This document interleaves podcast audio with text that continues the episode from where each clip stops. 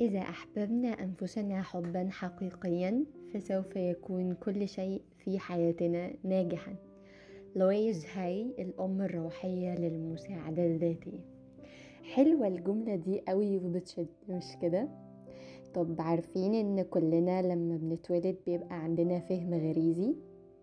يعني إيه فهم غريزي؟ يعني مثلا بنعرف إزاي نلعب إمتى ناكل إمتى نشرب بطفولتنا ما بنهتمش حتى برأي حد لما نيجي نغني ونطلع روح الطفل اللي جوانا. حتى لو صوتنا مش حلو it's okay يعني. بعدين هوب هوب بنكبر وبنتعلم من اللي حوالينا اللي في الغالب بيبقوا جزء كبير من إنهم يشكلوا معتقداتنا اللي ممكن يكون فيها جزء سلبي مزيف خوف خجل أو حتى شك في نفسك. ويبدأ بقى ليفل الوحش. لما تكبر ويكبر معاك المعتقد ده وخصوصا لو كان سلبي زي أغلبنا ما شاف. بتحصل كارثة هنا اسمها التعب النفسي اللي منبعه أصله أصلا من جواك. وبعدين بيقلب بألم جسدي.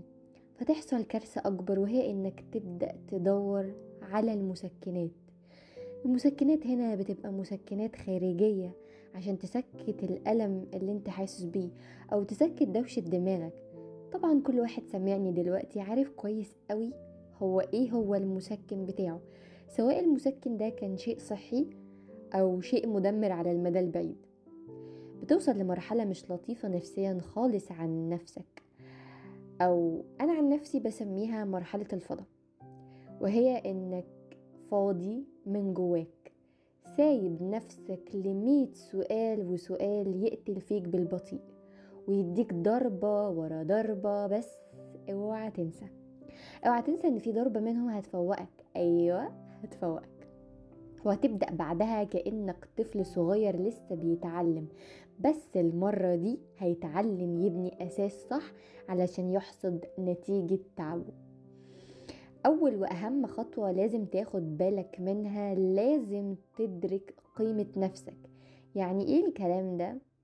يعني استحالة يبقى فيه في العالم كله حد زيك لأن ببساطة مش هيجي زيك تاني. ربنا ادالك مواهب وقدرات تقدر تشارك العالم بيها حتى لو كان في حد في نفس موهبتك وفي نفس قدراتك وفي نفس تفكيرك وفي نفس الكاركتر بتاعتك. مستحيل مستحيل يعرف يستخدمها بنفس طريقتك. حتى أنت نظرتك مختلفة دايما عن أي حد. لأن ببساطة أنت هو الشخص الوحيد الذي يفكر أفكارك مثل ما تفكرها محدش يعرف يفكرها زيك. أو ببساطة أكتر أنت هو أنت ولن يكون هناك أنت آخر غيرك. الخطوة التانية واللي لا تقل أهمية عن الأولى وهي التأكيد على ما لديك. وهنا هنقف عند المبدأ ده أو عند النقطة دي شوية لأن مفيش ولا workshop ولا event ولا session ولا كتاب عدى عليا إلا وكان فيه دايما المبدأ ده التأكيد على ما لديك. عندنا دكتور جينيفر سنسيرو في الكتاب بتاعها You are أو أنت قوة مذهلة اتكلمت عن النقطة دي كتير جدا وقالت إن مهم هنا إن إحنا نأكد على ما لدينا. التأكيد على ما لديك يعني إيه بقى التأكيد على ما لديك ده؟ طبعا جت فترة كده كان اتشهر قوي في videos التنمية البشرية إنه أقف بص لنفسك في المراية قول أنا قوي أنا قوي أنا قوي فغالبا هتتلبس يعني. المهم يعني إيه بقى التأكيد على ما لديك؟ هو إنك لو عايز تغير اتجاه السفينة ولنفترض إن السفينة دي تفكيرك يبقى أنت محتاج تعيد كتابة أو تدريب أو ترتيب دماغك إنها تفكر بطريقة مختلفة.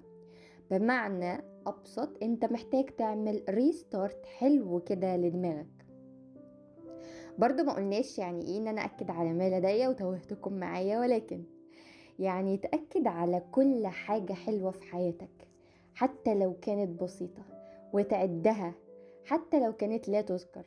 لازم تفكر نفسك بالحلو اللي أنت عملته والحلو اللي عندك حتى لو كانت حاجة واحدة بس.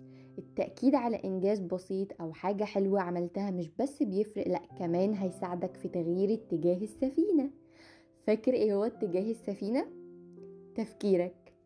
طيب حاجة كمان إحنا محتاجين قعدة حلوة كده لطيفة نكتب أكتر ثلاث حاجات حلوين في حياتنا أو حتى إنجاز بسيط عملته حسسك بحاجة حلوة جواك. هتكتبه على ستيكي نوت كده ونحطها في مكان قدام عينينا. نقدر نشوفه بوضوح. ومن فترة للتانية بص فيها. نظرتك لنفسك والله بتفرق.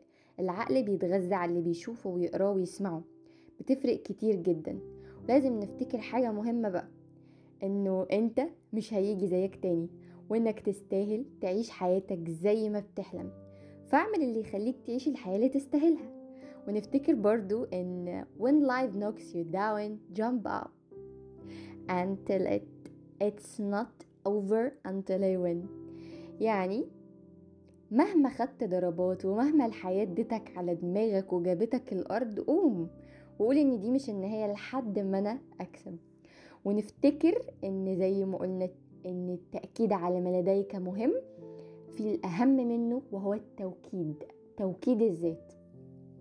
في مقولة حلوة قوي في وركشوب لعبد الرحمن عشماوي أو دكتور عبد الرحمن عشماوي كان بيقول إن الذين يعجزون عن التعبير عن مشاعرهم وآرائهم عادة ما يدفعون الثمن باهظا جراء لذلك يعني إيه الكلام ده؟ الكلام ده معناه كده إن البني آدم اللي مش بيعرف يعبر عن مشاعره هو حاسس بإيه مش عارف يوصل إحساسه للشخص اللي قدامه أو بيعبر عن رأيه ويقول هو حس بإيه أو هو شايف إيه أو إيه هي وجهة نظره عادة بيدفع التمن ده غالي قوي إنه كتم. قد يكون على المدى البعيد يسبب تراكمات وقد يكون برضو على المدى البعيد بيعمل block كده جوانا. block كده يعني حاجز. حاجز جوانا يخلينا طول الوقت متأزمين. مش عارفين نقول رأينا عن نفسنا مش عارفين نعبر عن نفسنا. حاسس طول الوقت إن في حاجة مفقودة أو حلقة ناقصة. فمهم جدا إن إحنا نأكد على ذاتنا. نأكد على ذاتنا إننا نعرف نفهم مشاعرنا نعلي الوعي بتاعنا بنفسنا. أنا هنا حسيت بإيه لما الموقف ده حصل؟ أنا هنا كنت عايز أقول رأيي في إيه لما شفت الموقف ده برضو حصل؟ التعبير عن الذات أو التوكيد الذاتي مش بس مهم وبيفرق قد يكون الكلام بسيط دلوقتي ولكن في المواقف مش ابدا بسيط ومفيش أي بني آدم يقدر يقلل منه لأن بتوصل ساعات إن البني آدم يبقى حاسس إن هو عايز يعبر عن رأيه ولكن اتكبت. لو لقى مثلا حد أعلى منه في السلطة زي مثلا والده والدته الدكتور بتاعه المعيد المحاضر ايا يكن حاسس إن هو قابل رد الفعل بتاعه بقسوة مثلا أو بعدم اهتمام. بيتكبت بيعمل له نوع من أنواع البلوكس زي ما قلت إنه مش بيعرف بعد كده يتفاعل وبيفقد حلقة مهمة جدا وهي التواصل. ومش بس التواصل هنا هيفقده في الموقف الحالي ولكنه على المدى البعيد كل ما هيجي يعبر عن نفسه أو رأيه هيحس إنه مش عارف يتكلم. ممكن يبقى حاسس بخجل ممكن يبقى حاسس إنه أنا مش مرتاح كفاية إني أتكلم أنا خايف أتكلم أنا متوتر إني أتكلم أنا قلقان وما إلى آخره.